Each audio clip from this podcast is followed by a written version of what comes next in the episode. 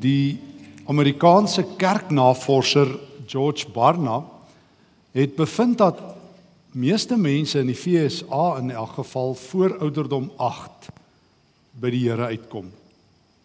Hy het 'n tweede stukkie navorsing of 'n tweede groot stuk navorsing het hy bevind dat meeste mense, meeste Christene se manier hoe hulle oor God dink op ouderdom 13 klaar vasgelê is en dat jy na ouderdom 13 eintlik nie meer nuwe dinge oor God leer nie, dat jy so min of meer dan weet wat jy weet.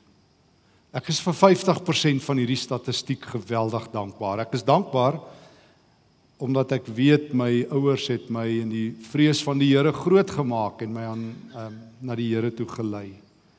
Maar ek het agtergekom my teologie, my manier hoe ek oor God dink was 'n reuse moeilikheid en ek het op ouderdom 13 'n 'n 'n prentjie van God gehad wat net een ding met my gedoen het. Dit het my nagte laat wakker lê van bangheid. En ek onthou baie goed watter episode dit die finale strooi was wat dit veroorsaak het. Dit was toe daar by ons kerk waar ek was op skool 'n evangelisasie ehm um, bediening was en hulle het sulke klein boekies uitgedeel, sulke evangelisasie boekies met sulke prentjies. En toe ek deur daai boekie blaai, tref ek hierdie een prentjie wat so my geheue ingebrand is tot vandag. En dit gaan oor die laaste dag as ons almal voor die Here is. En ek onthou nog want dit was in my kinderjare maar die manier hulle het gewys in hierdie boekie hoe daar so groot inry teater as te ware so groot skerm. En toe sê hulle die Here kyk op die laaste dag so film oor alles wat jy gedoen het. En toe het hulle nogal hierdie teks aangehaal waarby ons vanoggend stil staan. Deel daarvan, ons gaan dit nou lees, maar Openbaring 20 vers 11. Al die dooies het so voor God se troon gestaan en toe's daar geoordeel oor alles wat hulle gedoen het. Nou ek weet ten minste as jy 'n fliek kyk in die Inry teater of in die teater of op jou televisie, is hierdie film wat die ouens noem geredigeer. Jy sien nie alles nie. Daar's 'n regisseur wat dit bietjie mooi maak en die oortollige film uitgooi en so aan. Maar die Here se film sien alles. En dit het my in die nagte laat wakker lê. Want ek het by myself gedink gaan God regtig op die laaste dag vir almal 'n ongeredigeerde fliek oor my lewe wys? Ek wil dit nie eers weer sien nie. En toe onthou ek een aand, maar sê nou my ma sit daar langs my. En sy kyk saam met my daai film, maar gaan sy vir die Here sê, Here, dis nie my kind daai nie. Ek het hom nie so groot gemaak nie, né? Dis wat 'n ma sê. Julle sal dit ook sê, ma's. En ek het nou vir 'n paar nagte daaroor amper nie geslaap nie. En toe onthou ek by myself, maar die Here het 'n fliek oor my ma ook dan. En dan gaan ek vir haar sê, ma se fliek kom nog. Dan gaan ek dieselfde sê, Here, dis nie my ma daai nie. Maar dit het my verskriklik bang gemaak vir die Here en die mense het vir my gesê dit staan in die Bybel en dit het my teologie gevorm, my manier hoe ek oor God dink. En op ouderdom 13 het ek nie goed oor God gedink nie. Genadiglik het die Here vir my deur sy goeie gees se leiding gewys as ek God wil verstaan, moet ek self die Bybel lees. Ek kan nie net die hele tyd my ore uitleen vir ander ouens wat dit halfpad lees nie. Want meeste mense vat net 'n teksie wat hulle pas, gryp dit en hardloop daarmee. En dis presies wat gebeur het. So kom ons lees net Openbaring 20 vers 11 tot 15 om die volle waarheid te hoor. Toe het ek 'n groot wit troon gesien en die een wat daarop sit. Die aarde en die hemel het voor hom pad gegee en daar was nie meer plek vir hulle nie. En ek het die dooies groot en klein voor die troon sien staan. En die boeke is oopgemaak. Daar is ook 'n ander boek oopgemaak. Dit is die boek van die lewe. Die dooies is toe geoordeel volgens wat daar in die boeke geskrywe staan oor alles wat hulle gedoen het. Die see het die dooies teruggegee wat daarin was en die doderyk, dood in die doderyk het die dooies teruggegee wat aan hulle was en oor elkeen is geoordeel volgens wat hy gedoen het.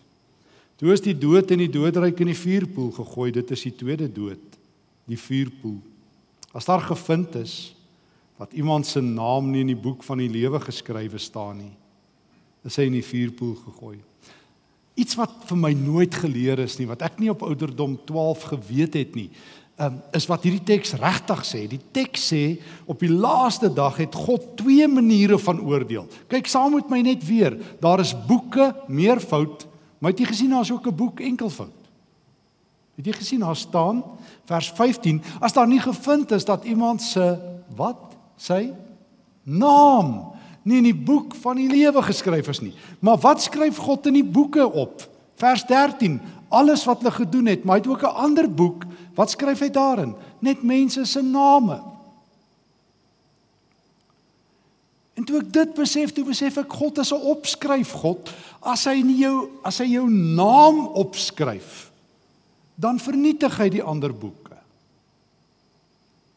Dan gee hy dan dan skeer hy dit op en hy gooi dit weg.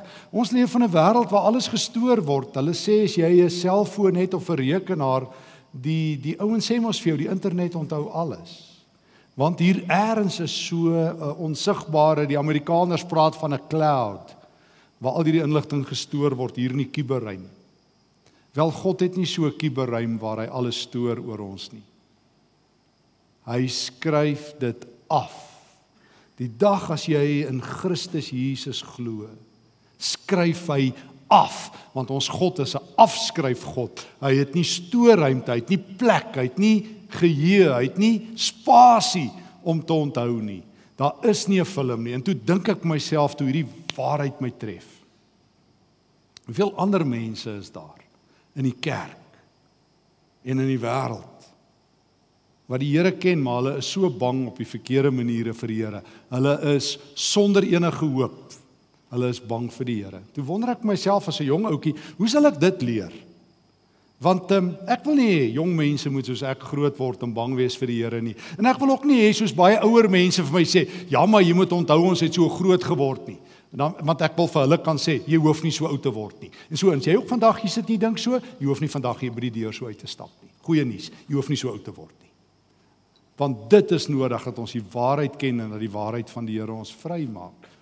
En in die ou dae was daar mos sulke kameras. Nou ek het een saamgebring. Die jong mense sal glad nie weet nie. Dis so 'n kamera, dan vat jy 'n film. Jy onthou hierdie filmpie, né? As sit jy hom binne in. Dan dan neem jy fotos en die een ding wat jy nie kan doen met 'n kamera wat 'n film het nie, jy kan nie die film uithaal en dit doen nie. Wat gebeur met hierdie film? Die jy moes nog sê, "Ha, dis verskriklik." Want wat het hierdie film gekry? Lig. En toe toe toe hou ek so diens en ek vat vat die kamera en ek neem almal af, die flits flits so na almal toe. Die volgende oomblik maak ek die kamera oop en ek ruk die film uit. En toe skrik al die groot mense want hulle weet hierdie film is vernietig. Jy kan met hierdie film nou niks meer doen nie.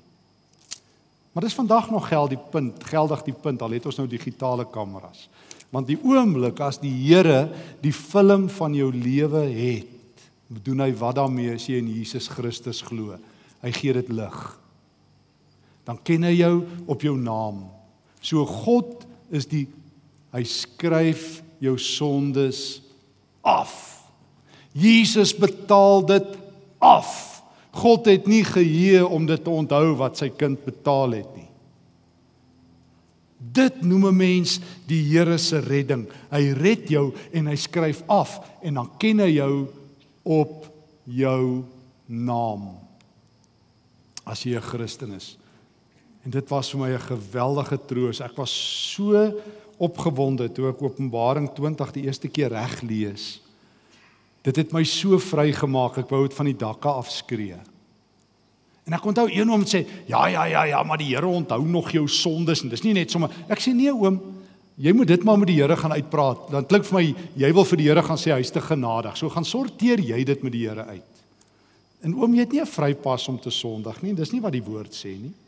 Jy het nie soos die Engelse sal sê 'n get out of jail free kaartjie. Nou kan jy leef soos jy wil. Nou kan jy maar sondig soos jy wil nie, want die Here is mos by jou. Maar jy het genade. Die Here ken jou op jou naam. Hy ken jou nie meer op jou werke nie. Hy ken jou op jou naam. God is in die afskryf wêreld. Hy skryf graag op. Hy skryf graag af wat jy verkeerd doen as jy in Christus is. Hy onthou nie. Hy het korttermyn geheue wat jou sondes betref, maar 'n langtermyn geheue wat jou naam betref. Ek ken jou op jou naam. Dit het Jesaja al gesê En dit sê God ook. Maar daar's 'n tweede geheim. En ek wil hê saam met net blaai na Openbaring 14, want God God skryf nie net af nie, hy skryf op ook. Openbaring 14. En die dilemma met 'n boek soos Openbaring, weet julle, is mense fokus so op alles wat wat hulle bang maak dat ons nooit die teks hoor nie. Want as jy nou by Openbaring 14 uitkom, meeste mense wat nou die moed gehad het om Openbaring 13 te lees, is nou al so doodbang. Want die groot bangmaak hoofstuk in Openbaring is eintlik hoofstuk 13. Julle sal dit nou weet wat die boek ken. Veral nou as jy daar gelees het van hierdie 666 merk en die dier wat nou hierdie merk op jou sit. Teen hierdie tyd het die meeste Christene pimperelle koors of koue koors, ek weet nie wat nie, maar dan sal hulle so bang en hulle keer net vir enige merk en enige dingetjie en en en as daar net 'n videoetjie verbygaan, het jy al jou chip gekry en al die goed, dan is die Christene nou verskriklik bang sodat niemand ooit Openbaring 14 lees nie. En dan gaan die ouens nou nog aan die stry oor die 144000 Genoeg om te sê die 144000 is 'n is maar net 'n manier hoe Johannes die hele aardse kerk verteen ver, verwoord. Hy doen dit in hoofstuk 7 ook. Hy sê die 144000 sê hy in hoofstuk 7 is eintlik 'n ontelbare menigte. Maar hy wil nie op die getal fokus nie. Hy wil fokus op Jesus. Hoe kom ons lees? Vers 14 vers 1. Toe het ek die lam op die Sionsberg sien staan. Nou as jy nou soos ek sê hoofstuk 13 gelees het, het jy nou van die draak gelees en die diere uit die see en die diere uit die aarde. En nou vra Christene, nou waar is Jesus? Dan sê Johannes ek het hierdie visioen. Toe het ek die lam, Jesus. Dis die lam. Hy staan op Sion. Nou Sion is in die Bybel die plek in Jerusalem. Dit was die ou Sionsberg. So Jesus, die hemelse Jesus kom staan nou weer by sy aardse kerk by die 144000 maar hoor nou dit wat lyk vir my meeste Christene nie raak lees nie. Ek het in elk geval nie my teologie dit gemis totdat ek dit ontdek het. Die 144000 met sy naam en sy vader se naam op hulle voorkoppe geskrywe. Die eerste keer toe ek dit lees kon ek dit nie glo nie. Ek het uitgeskree hoekom is dit my nooit vertel nie? Hoe het ek hierdie teks gemis En toe onthou ek sommer almal vir my bang gemaak het met hoofstuk 13. Maar niemand het my geleer die geslagte lam Jesus Christus wat my sondes afskryf omdat ek glo is ook in die opskryf wêreld. Wat skryf hy op? Wat sê die teks? Net soos wat Satan in hoofstuk 13 sy mense merk, wat kom doen die Here Jesus? Hy skryf sy naam en sy vader se naam waar op my voorkom. En toe wou ek 'n bolle makiesie slaan van opgewondenheid om te dink dit is asemrowend. My naam in God se boek en God se naam op my kop. Waar wil jy beter versekerings hê as dit? Waar wil jy beter goeie nuus hê as dit? En as dit jou nie opgewonde maak nie, nee wat? Nee wat? Dan dan is jy op hoop verloorse vlakte. Dan moet jy dan moet jy boedel oorgee met die lewe want die lewende Here skryf op en die lewende Here skryf af. Wat skryf hy af? Hoe al my sondes as ek by Jesus aankom en sê Here, ek is bankrot. Here, ek het ek het 'n gemors van my lewe gemaak. Sê Jesus, gee dit vir my. Ons kan iets daarmee doen. Ons skryf dit af. Ek gee nie vir jou 'n lisensie om dit weer te doen nie. Gaan en gaan leef in my vrede. Gaan dit nooit weer onthou nie. O, en dan die goeie nuus. Hoe gaan ek deur hierdie lewe kom? Hierdie harde lewe. Hierdie lewe wat so hard is dat ons ons almal nog gaan doodlewe. Dis die een ding wat lyk vir my met ons almal gaan gebeur as die wederkoms nie kom nie. Ons gaan onsself nog iewers doodlewe. So hard se lewe. Maar hier's die goeie nuus. Christus se naam en God se naam, die lewende God dink so baie van jou dat hy jou gered het, dat hy sy naam op jou skrywe. En daarom, daarom kan ons kan ons doen wat vers 4 sê ons daarom kan ons heilig lewe. Daarom kan ons die lam volg waar hy ook al gaan. Want ons is die mense wat losgekoop is as eerstelinge vir God en vir die lam. Nou kan ons agter Jesus aanstap. Nou kan ons lewe soos hy wil hê want my sondes is afgeskryf en ek is opgeskryf Ek is opgeskryf van God se boeke. Ek is opgeskryf. God se naam staan op my kop. So alles die lewe hoe skeef en hoe hard en hoe pynlik en hoe moeilik. Ek kan net elke dag so my voorkop vat en sê ek is 'n gemerkte.